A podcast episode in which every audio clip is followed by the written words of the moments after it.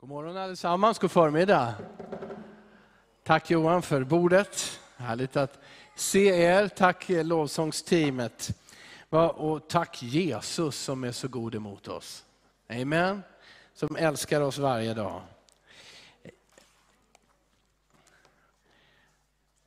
Jag eh, ska börja, in, börja den här predikan, tala några minuter först och sen bett Albert och Hanna att komma upp och berätta någonting. Och sen kommer jag att, att fortsätta att säga några saker till eh, efter det. Eh, den här eh, texten som jag hämtar, den, den är, det är bara en bibelvers nu då, i början och den är också ur eh, första Petrusbrevet, precis som Johan läste eh, i inledningen. Eh, och utifrån den versen så, så tar jag en enkel men väldigt tydlig titel tycker jag. Var ständigt beredd att förklara det hopp du har. Amen. Det finns hopp, det, det hör vi i Bibeln och det kallar vi en kampanj som pågår. Det finns hopp. Men Petrus skriver till oss, vi ska vara beredda att alltid, det står så här, vi läser 1 Petrus 3.15. Var ständigt beredda att svara var och en som ber er förklara det hopp ni har. Var ständigt beredda att svara var och en som ber er förklara det hopp ni har. Men gör det ödmjukt, med respekt och ett rent samvete. Så att de som talar illa om ert goda levnadssätt i Kristus får skämmas för sitt förtal. All right. Ständig beredskap. Yes, alltid redo. Alla scouter. Ständig beredskap. Att göra vad då? Att svara, att svara de som ber dig förklara. Men vad är det de vill att du ska förklara? Ja, det där. Vad är det som är med dig? Varför är du annorlunda? Varför har du hopp? Vad är det för glädje som, som kommer där? Vad är det för tro du har? Hur kan du... Ja, att ständigt vara beredd att svara och även förklara det här hoppet. Den här kampanjen som vi har, den pågår. Det finns hopp, den kommer aldrig att ta slut. Det är inte bara en kampanj som vi har hittat på. Det här är Jesus själv. Han säger det finns hopp. Det pågår. Men det leder oss också att vi, vi låter det här mynna ut i januari när vi har bjudit in Sebastian Staxet och jag, han har delvis bjudit in sig själv också. Vi har ett samarbete att fylla Stiga Arena eh, med människor, att få höra att det finns hopp. Och vet du inte vem Sebastian Staxet är så kommer man precis ur den typen av krets som alla pratar om och fruktar nu och försöker att lösa. Kriminella gäng med mycket droger, våld, alldeles för mycket pengar och så mycket, mycket mer. Han fann hoppet Jesus och han kommer ju komma hit och berätta hur. Ja, några naturliga frågor när vi säger det finns hopp. Det låter så härligt när vi säger det, men, ja, men hur vet du att det finns hopp då? Hur vet du det? Vem är det du pratar För vem är det finns hopp? Finns det, för vem finns det hopp? Finns det hopp för den eller den? Ja, men det fattar väl jag också, den som har mycket pengar det finns väl alltid hopp för den som har mycket pengar och har mycket connections. Ja, men det är klart det finns hopp. För vem finns det hopp? Och på vilken basis kan du säga hoppas, jag hoppas att det blir bättre väder imorgon. Har inte ens tittat på väderappen. Tittar jag på den så har jag inget hopp kvar, eller hur? Ja, ah, alltså, på vilken basis hävdar vi att det finns hopp? Eller hur? Och det här säger, skriver Petrus, det här, var beredd att ständ, vara ständigt beredd, var alltså förberedd. Vet vad du tror på. Tänk efter, samtala om det. Hur kan jag formulera den här tron så att en annan människa fattar att jag inte är från månen eller längre bort? Hur kan jag prata om det? Förklara, svara när någon vill veta. Ja, eh, det, Ska vi nu kunna, kan man tänka så här, ska vi nu kunna i kafferummet på jobbet kunna besvara varenda fråga och varenda angrepp som kommer på kristendomen genom 2000 år och Bibelns varenda vers. Det är jättebra om du kan det. Och det är ett bra mål att läsa Bibeln också kunskapsmässigt, förstå och resonera. Men jag tror inte att det är det som Paulus, eh, förlåt, Petrus skriver om här. Han skriver om, var beredd att berätta om det där hoppet. Att förklara, hur fick du hopp? Hur kan du hoppas när alla andra säger, jag har ingen aning. Hur kan du som kanske inte ens besitter svaret på hur vi ska lösa olika situationer, ändå vara hoppfull utan att vara helt blåst? Hur kan du berätta om det här? Och så, så, så viktigt, eh, innan jag går vidare, liksom ta den här andra versen. För han skriver att det är så viktigt att vi gör det här utan arrogans. Och att vi inte gör det på ett frånstötande sätt. Inte självsäker. Det är klart, du haj. alla hajar att Gud finns och han hjälper dig med vad som helst. Det är bara du som inte hajar. Det finns ingen plats för det. Det, det, finns ingen plats. Det finns ingen plats för, och ni hör det, om ni läser och lyssnar, så talar man om de där idioterna och de där dårarna. Och jag pratar nu inte om om vad, vad, vad, vad någon ung kille eller tjej skriver på Facebook, utan jag pratar om vad ledande politiker kallar människor. Dårar, idioter. Och så svär man jättemycket och är ledare för kommuner och regioner och städer. Men det tillhör inte, det, det tillbör inte en kristen att stämpla en människa som hopplös. Vi får aldrig göra, det får inte komma ur vår mun. Och Jesus, jag ska inte läsa det nu, han är, han är superseriös när han pratar om vad vi säger om andra. Det går inte att bara säga dumskalle och sen peka på, ah, titta på de där, de mördar och har sig. Jesus drar ju liknelser mellan det. Om du förbannar en annan människa, om du stämplar en människa, då säger han, det är en synd på samma sätt som när du dödar en människa. Han, han skiljer det inte åt, det är i samma ande. Det är så viktigt hur vi förmedlar. Men vad han först ville säga är att, att vi kan berätta. Ehm, även vi, vi vet ju Alltså, vi kommer ihåg Petrus som har skrivit det, han talade inför tusentals människor. Okay? Och Det är han som skriver att eh, vi, vi ska vara beredda att svara. Han gör det väl också ur egen erfarenhet. Kommer ni ihåg bara de där 40 dagarna innan, eh, förlåt 50 dagarna innan pingstdagen? När de frågar Petrus, du är från Galileen, du du känner Jesus? Nej.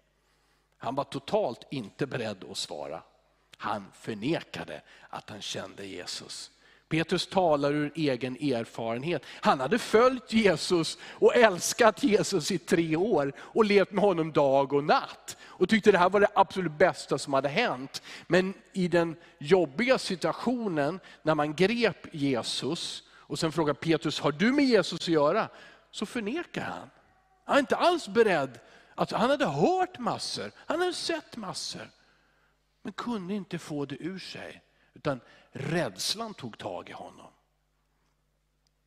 Men så har vi Petrus och på pingstdagen, där frågar de också och så anklagar de också. Ni har bara druckit, liksom, vad håller ni på med?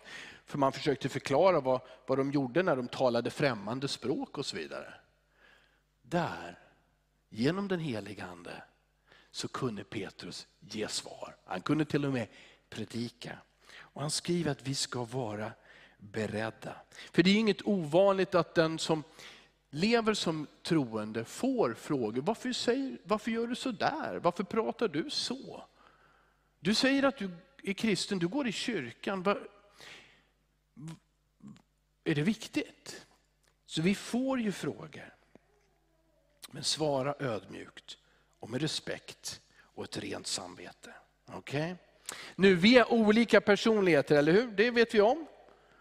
Och det här med att prata och svara och, och, och så vidare. Vi, vi, är olika och vi får vara olika. Och de andra elva lärjungarna var inte likadana som Petrus och blev inte heller likadana, inte ens efter att de blev döpta i den heliga Ande. Utan vi är olika, vi finns i olika sammanhang, vi har olika erfarenheter. Och vi har olika sätt att relatera till andra människor. Och det får vara så. Förstår du? Du är jag ska säga det lite senare, men jag säger förråder det redan nu. Du är skapad av Gud och han tycker om dig. Amen. Han har gett dig en personlighet och det är bra. Eh, men, men som sagt, en del av oss, de, en del av oss vi väntar helst tills någon kommer och frågar. Jag säger ingenting här.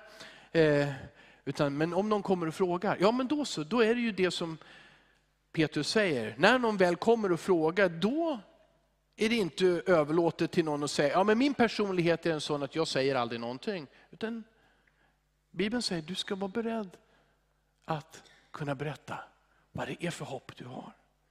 Och Det här är ju en process, men du kan söka den medvetet också. Att vara förberedd.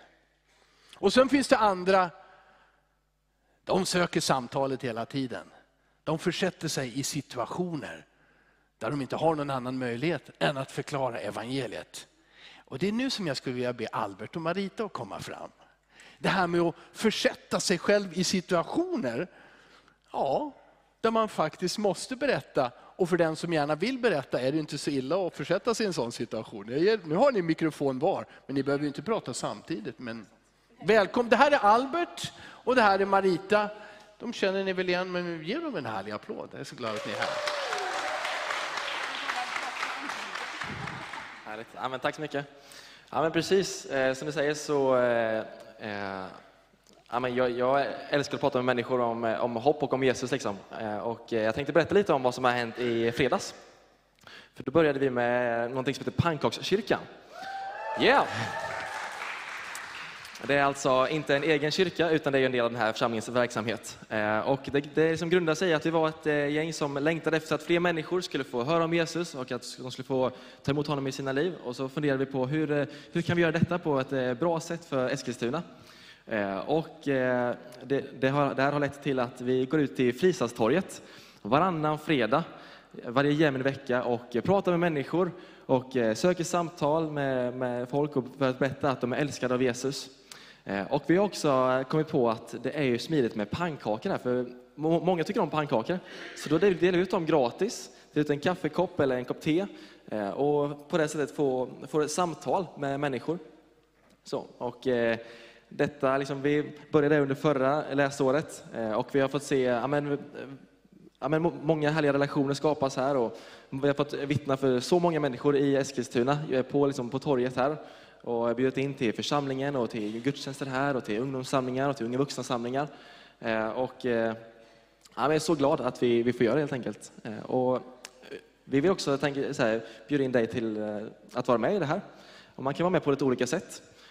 Som, eftersom vi bjuder på pannkakor så innebär det att vi ska göra pannkakssmet, så känner man att eh, man tycker om att göra pannkakssmet så eh, är det en sak som man jättegärna får hjälpa till med. Då träffas vi varannan liksom, eh, fredag på, i köket. Och sen så går vi också ut på stan.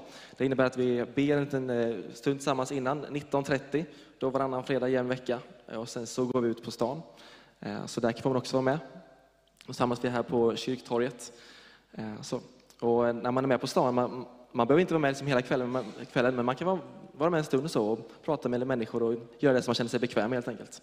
Och så får man också jättegärna vara med och be när vi är ute på, och gör det här. Bön är ju, gör stor skillnad, eh, det vet vi alla tror jag, och är så viktigt för det vi gör. Så man får jättegärna vara med och be för, eh, för de samtal och det som vi gör där ute. Så, så ja, men det är alltså en inbjudan till att vara jättegärna med och, eh, på Parkakyrkan. Var med och gör smet eller var med på torget och prata med människor. Och bara innan jag lämnar över till Marita så vill jag också säga snabbt att ikväll så börjar också, vi, om man inte tycker om pannkakor så tycker jag som man tycker om att spela fotboll. Ikväll så börjar vår församlingens Sport for Life-arbete. Vi spelar fotboll med ungdomar och söker samtal om att det finns hopp och sprider kärlek om Jesus till ungdomar. Hur, hur, hur bra är inte det? Yes, nu lämnar jag över till Marita. Ja. Eh, Albert och jag är aktiva i evangelisationsrådet och arbetar genom den på olika sätt.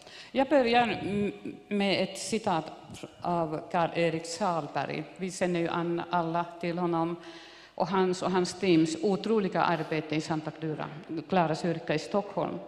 Förändrat city. När en kyrka så ofta och så träget är ute på gator och torg så gör man förstås avtryck. Kristus i oss gör det avtrycket. Och sen fortsätter han. Jag kunde se det på Malmskillnadsgatan där vi fick gå längre och längre upp, längre och längre bort från Santa Clara kyrka för att hitta de prostituerade. Det var som att Guds rike intog millimeter för millimeter på denna förnedringens gata. Området förändrades och en journalist kallade oss en maktfaktor i city.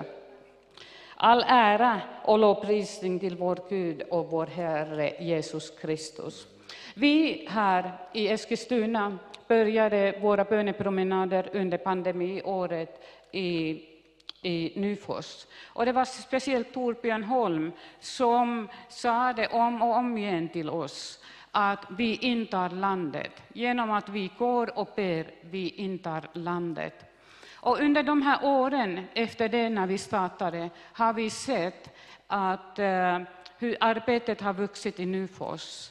Nu har vi läxhjälp tack vare Anders, äh, eh, Anders, Albert och hans team i Nyfors. Eh, varje tisdag kväll har vi läxhjälp. Vi har närvaro i Nyfors. En gång i månaden står vi där och möter underbara människor som bor eller passerar Nyfors. Vi bjuder på kaffe, te och lite annat, bullar och givetvis material. Och sen träffar vi de coola killarna också, eller hur? Och det är så underbart att jag sa det till många killar att Jesus älskar dig. Och nu kommer de, och kom under våren, de kom till mig och tittade mig i ögonen och sa Jesus älskar dig. Ja, det har fastnat någonting där.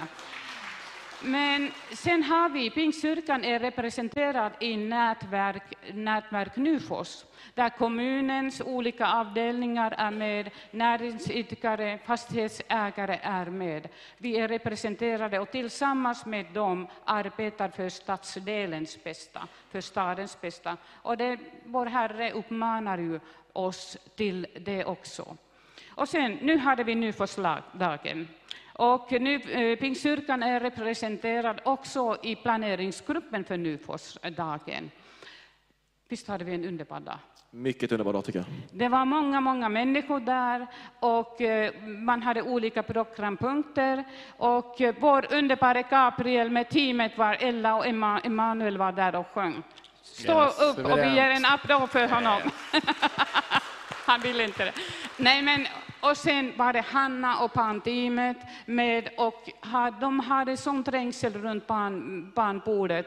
Och eh, Albert var där och ordnade tävlingar. Vi var många från vår församling med och hjälpte till att det blev lyckat för vår del. Och sen givetvis de alla andra föreningar som gjorde det också mycket intressant. Och eh, all ära och lovprisning till vår Gud och vår Herre Jesus Kristus till allt det här. Det är Kristus i oss och genom oss som får det här. Och nu skulle jag vilja lämna, och tillsammans säkert lämna till församlingen, eh, ett böneämne för att eh, nu, vi har sedan, sedan ett, ett tag tillbaka, vi har pratat om Fröslunda, Eh, vi har börjat mm, bönepromenader där. Vi har börjat diskutera om Årby, var, hur, innan det här hände, det här tragiska, så hade vi börjat prata om hur vi kan komma in i Nyfors med hoppet om Jesus Kristus. Så Albert och jag ska till eh, Årbyskolan nästa vecka och se och diskutera om vi möjligen kan börja starta läxhjälp där. Så du som bor i Årby speciellt, du som skulle tänka, kunna tänka dig, jag vill hjälpa till i Årby med läxhjälp, så kom och säg till Albert eller mig eller Torbjörn. Och framför allt, vi ber att Jesus leder oss rätt, att vi kan sprida kärlek. Ja. Amen. Yes, tack. Tack ska ni ha Albert, Marita.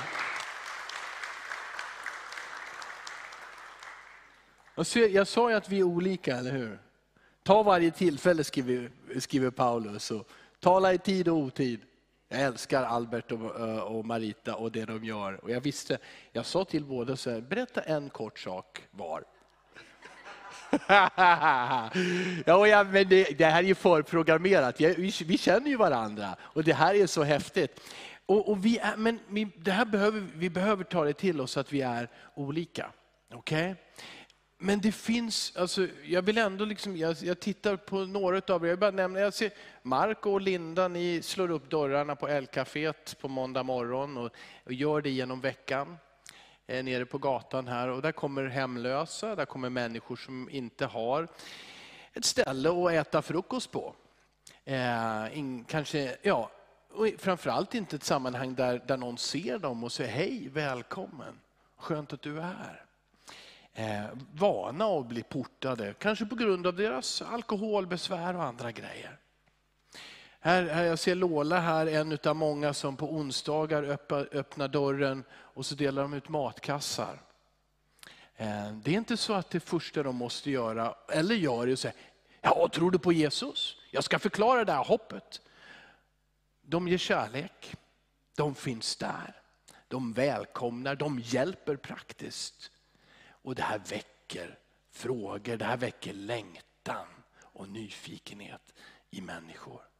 Vi får vara redo att också svara på vad det är för hopp som, som bär och som gör att man, man tar och jobbar i ett sådant sammanhang som LP. Att man kommer hit och tar av sin tid en eftermiddag och delar ut matkassar.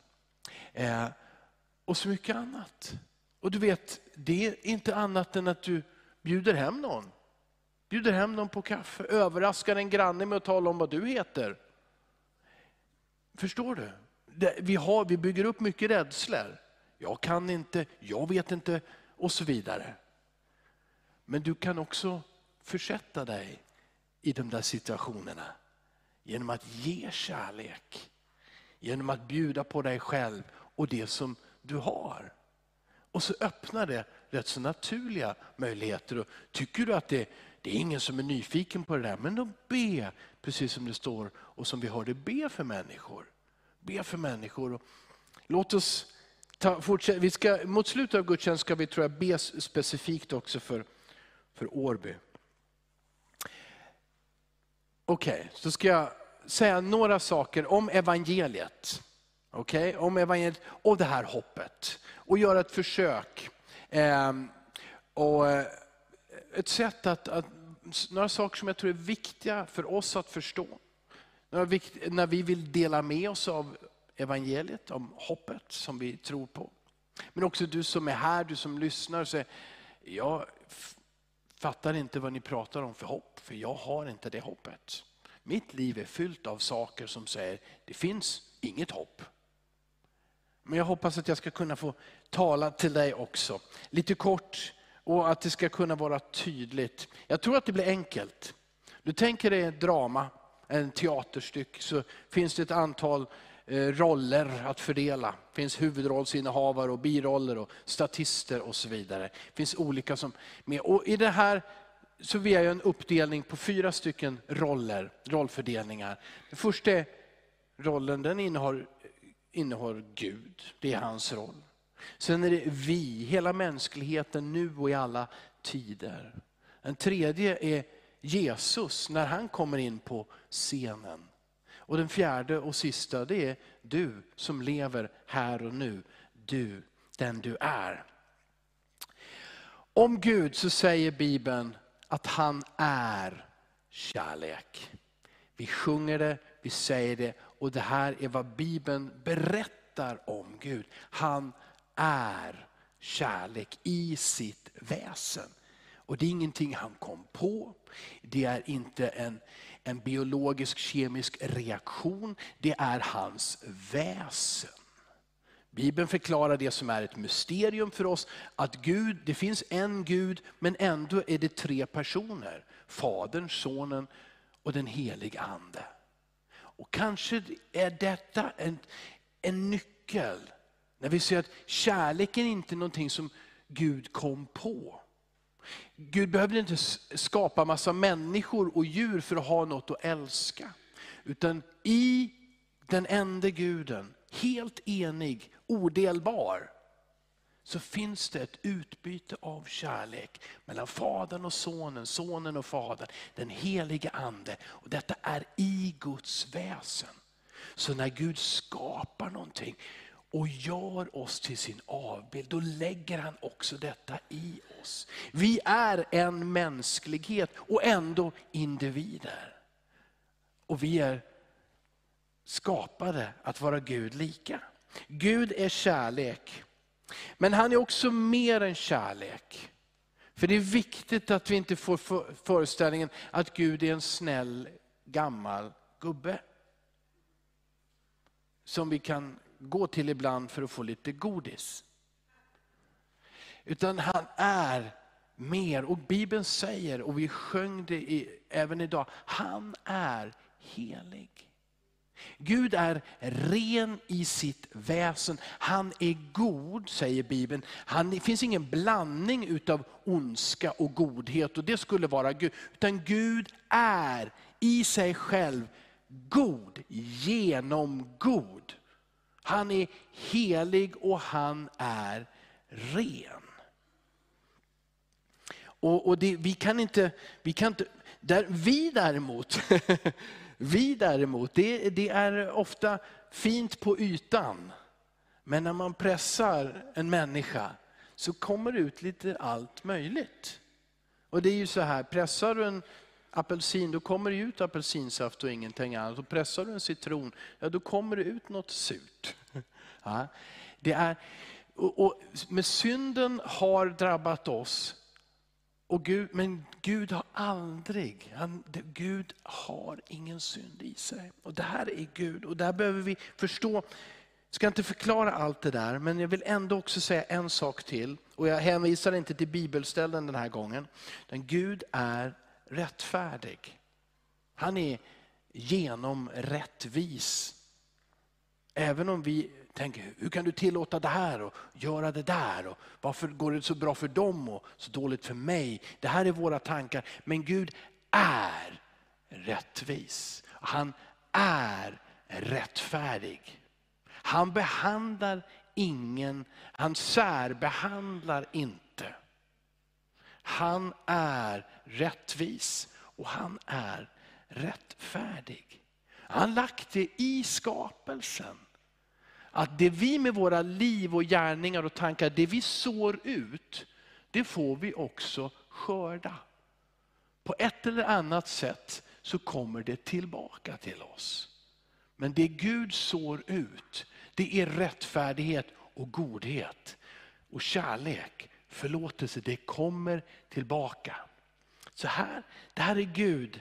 Det här är den första rollen i det här teaterstycket. Det andra är, den andra är vi. Den andra är vi. Det finns så mycket mer att säga om Gud. Men jag tror att när vi vill berätta om vem Gud är, så tror jag att det är viktigt att vi har med det här. Han är kärlek. Han är helig. Och ja, han är rättfärdig. Det andra är vi. Och det viktigaste till att börja med, det är att veta och förmedla vi är skapade av Gud och vi är skapade till hans avbild och vi är skapade goda och skapelsen var god. Och jag talar inte bara om oss människor utan allting. Det Gud skapade var gott. Det var helt och inte trasigt. Det han gjorde, det, det var perfekt. Men Bibeln berättar om hur människor ändå gjorde det som Gud sa, gör inte det. Och hur synden kom in och hur synden blir som ett gift som förstör. Och eftersom Gud är den han är, helig och ren, så säger Bibeln också, ja men då kan inte, då kan inte den här förbindelsen och relationen vara som den var tänkt att vara. För Gud blandar inte upp sig själv med, han, han, det finns ingen synd i honom och han har inte med synden att göra. Och så uppstod det här som vi alla har upplevt och lever i och vet om. Var är Gud? Om Gud är god och Gud har skapat allt och Gud älskar. Var är han? Varför får jag inte kontakt med honom? Och vi söker så många olika svar, eller hur?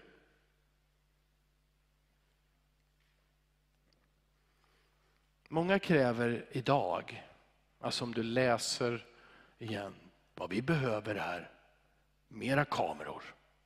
För folk gör så dumma saker. Så vi behöver helst ha kameror på varje plats. Och vi behöver hårdare straff så att de är riktigt skraja för att göra någonting som är fel. Och så ska vi gärna ha poliser överallt. Och det är klart att poliserna de ska alltid vara snälla och glada och trevliga, eller hur? En kvarterspolis, din polis. Men den ska absolut ta de andra och förhindra. Och det här, nu ropar vi på den här lösningen och ett litet sidospår här bara, så talar Bibeln om att vi går mot ett övervakningssamhälle som kontrollerar. Och det här är ett försök. Och sen det, det, i grunden i det samhälle vi lever i så är ju tanken att nej men det finns ingen synd i dig. Det är bara att du inte fattar. Så vi ska utbilda dig. Vi ska utbilda dig och, och ge dig bättre förutsättningar. Då kommer du automatiskt att göra allt som är bra för dig själv och andra. Det här är en grundförutsatt av humanismen och det som präglar så mycket av vårt samhälle idag. Så här, Usch, det finns ingen synd, det där är bara att snacka, ni skuldbelägger människor. Samma människor som säger att du skuldbelägger någon när du talar om synd säger, lås in dem, skicka dem långt bort, de är idioter och de ska inte få skada oss. Vi får välja att tro och välja vilken väg vi går. Bibeln säger det finns synd och det skiljer dig ifrån Gud. Det är därför du inte lever i förbindelse med honom. Men det finns hopp. Okej, okay? varför? Det finns förlåtelse. Bibeln säger, är så brutal i vissa bibelverser att det är jobbigt för oss som bibelläsare att läsa. Den, den säger du är faktiskt hjälplös vad det gäller det här. Att rädda dig själv, att fixa till dig själv. Så att du kan leva det liv Gud ville och leva ett eget liv. Bibeln är brutal där och säger nej, du kan inte. Jo, men det, alltså alla vill gå i försvar. Så, men så dålig är inte jag heller. Jag försöker vara snäll mot grannar och, och sköta om mig och så vidare. Men Bibeln säger det, ju förr du inser att du fixar inte på egen hand, desto större chans har du att få uppleva Guds nåd, Guds förlåtelse, en relation med honom som har skapat dig.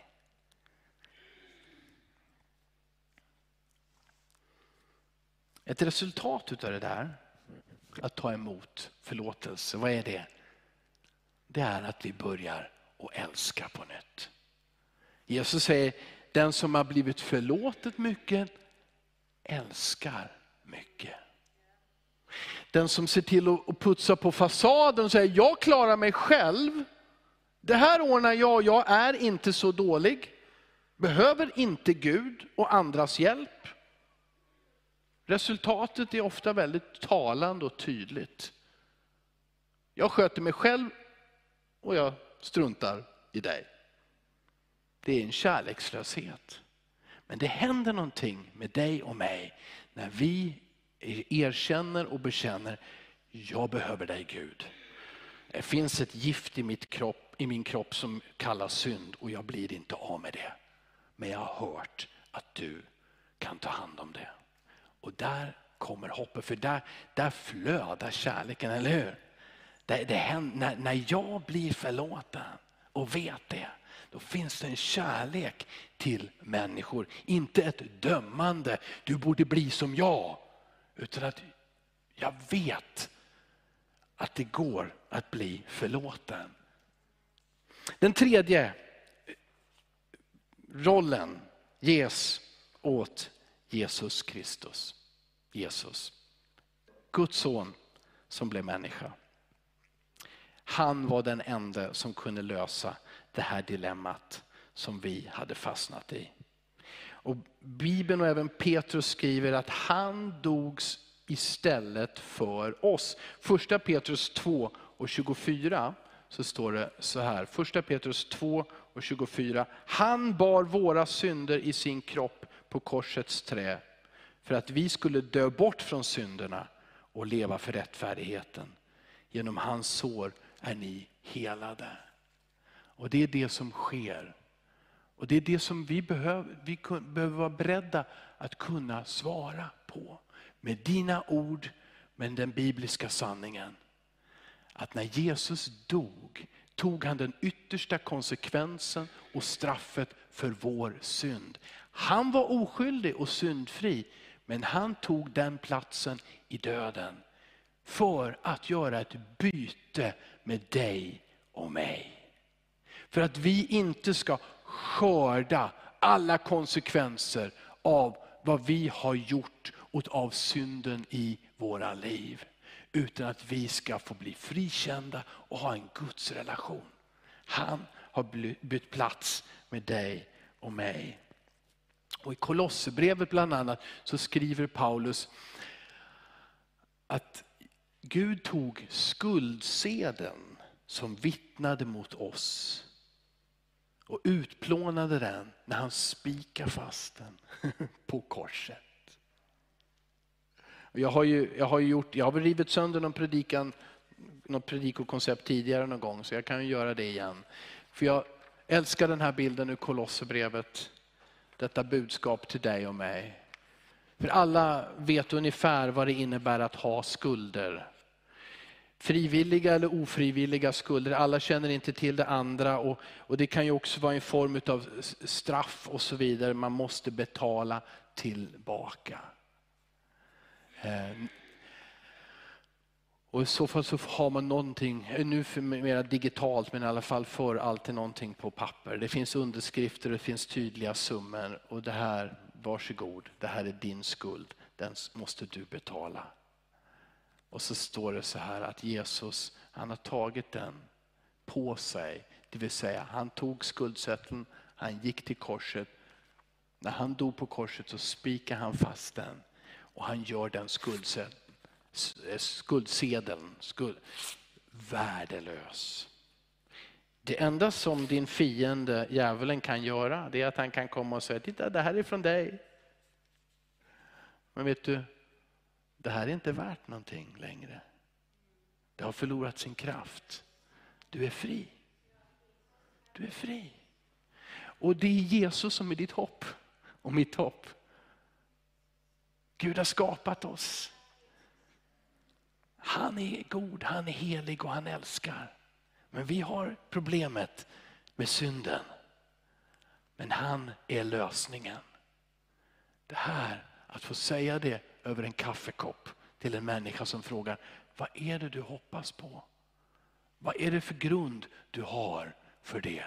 Det är Jesus Kristus, Guds son, som har gett sitt liv för dig och mig. Men måste man, varför måste det betalas för allting? Ja men det är väl, alltså varför, vad då skuld och synd? Varför måste det betalas? Kan man inte bara säga, äh, vi struntar i det där och går vidare? Det kan man ju göra, men, men ta ett, ett oskyldigt exempel. Eh, jag fick, det satt en lapp på min eh, bil eh, en gång för några år sedan. Eh, och den hade att göra med det stora hålet som var i dörren. Det var en jättesnäll människa, en ärlig människa. Men hade haft en olycka och backade in i vår bil och gjorde ett riktigt skönt hål i dörren. Och då är det klart att jag vill förlåta och vi kan förlåta och vi kan gå vidare. Men vill vi inte åka med ett hål i dörren så måste det väl lagas, eller hur? Och det betyder att ska det lagas så måste det betalas om jag inte har förmågan själv att laga och lackera och så vidare. Så då är det en det är så. Detta är livet i alla dess situationer. Det är inte så att vi måste, men vi väljer ibland att inte kräva det av varandra. Men i slutändan så, hon var ärlig, hon skrev sitt namn och telefonnummer och i slutändan så var det ju inte direkt hon som betalade för hon hade ju också en försäkring och hennes försäkring betalade och det löste sig och det där är ju ett fantastiskt system. Och när jag gör ett misstag och jag sårar en människa och säger någonting dumt, ja men det går väl någonstans fortfarande att kontrollera. Ja men jag ber om förlåtelse för vad jag sa. Men när jag hamnar i olika situationer och det här har hänt för ofta, och så börjar man att anklaga mig och säga, men det är du, ja, det där, jag orkar inte Och så börjar jag ljuga om det, nej men det var inte jag, det var han som gjorde det. Och det var deras fel att det blev så. Och, så, och, plötsligt, och sen så händer det andra grejer och så kommer det där och man känner, det är hopplöst. Jag hinner inte med, jag klarar inte av det här. Men Jesus säger, allt det där som vittnar emot dig, det har Jesus tagit på korset. För att förlåta dig och göra dig ren och helig. Så att det som hindrade gudskontakten, det är borta. Och till avslutning då. Fyra roller, det är Gud, det är mänskligheten, eller vi, det är Jesus Kristus och så är det du och jag. Och första Johannes 1 och 12 säger att Gud gav oss rätten att vara Guds barn. Alla de som tror på hans son. Du och jag är en del av det här. Och Det är mer än ett teaterstycke, men det är bilden jag använder. Och vi kan svara och vi måste svara. Det behövs ett svar för att det här ska bli del, för att vi ska få del utav det här. Vi behöver lägga våra liv, som vi säger, i Guds händer och våga lita på, du behöver lita på att Jesus dog för dig. Att han kan förlåta din synd. Att han kan göra dig ren. Och öppna vägen för en gudskontakt. För att Gud kan flytta in i ditt liv. Och det här gör vårt ja på hans nåd och kärlek. Det gör att den helige Ande gör ett under i våra hjärtan, i vårt inre. Då sker det att Gud, som Bibeln kallar det för, föder oss på nytt. Gör oss till en ny skapelse. Han jobbar inte på utsidan. Skärp dig, fixa till dig, ordna så att du lever ett bra liv och kom sen utan han, säger, han går på pumpen, på, på kärnan i oss och skapar oss på nytt. Förlåter, gör oss rena, flyttar in i ditt liv och ger dig ett evigt liv med honom. Men det är vårt svar. Och Det här kan vara ett sätt att dela evangeliet. Komma ihåg det här, ja, det börjar med Gud. Sen har vi hela mänskligheten. Sen har vi Jesus Kristus och så har vi du och jag och vårt svar till honom. Det finns hopp. Och Bibeln säger att vi ska vara beredda att förklara det hoppet, att dela med oss av det, att berätta om hur fick du hopp? Hur kom han in och gjorde en sån förändring? Och Jesus sa till oss alla, han sa till lärjungarna, men han säger till oss alla, kom och följ mig och jag ska göra dig till människofiskare. Ja, det är en kallelse att ta emot Jesus och följa honom. Men när vi följer honom så ger han dig och mig ett uppdrag. Om jag tar en dålig liknelse på det här eller en ful liknelse. Vi genomlider det här viruset covid och så vidare, en pandemi. Eh, och det är smittsamt. Men så är tron. Så är tron. Och så ska den vara. Det som du och jag tar emot stannar inte här. Om tron och frälsningen är som ett virus. Utan det får gå vidare, det får smitta. Och så ska våra liv vara. Har du tagit ditt beslut att ta emot Jesus och Guds kärlek? Det är så avgörande. Det är en möjlighet. Det är möjligt. Det sker enkelt i tro och i hopp. Jag, kan det här vara sant? Ja, det är sant. Att ta emot Jesus, att släppa in honom och säga, Herre, jag behöver också förlåtelse. Jag behöver det nya livet. Och han gör det när du ödmjuka dig inför honom. Och till, all, till dig som har tagit emot Jesus, du har en stor kallelse över ditt liv. En viktig och avgörande kallelse för andra människor. Och Den här gången formulerar Petrus det så. Var beredd att svara var och en som frågar och förklara det hopp som du har. Gå den vägen, förbered dig själv att kunna svara, att leva så att människor blir nyfikna på Jesus och vill veta. Amen. Jag ber lovsångsteamet att komma fram.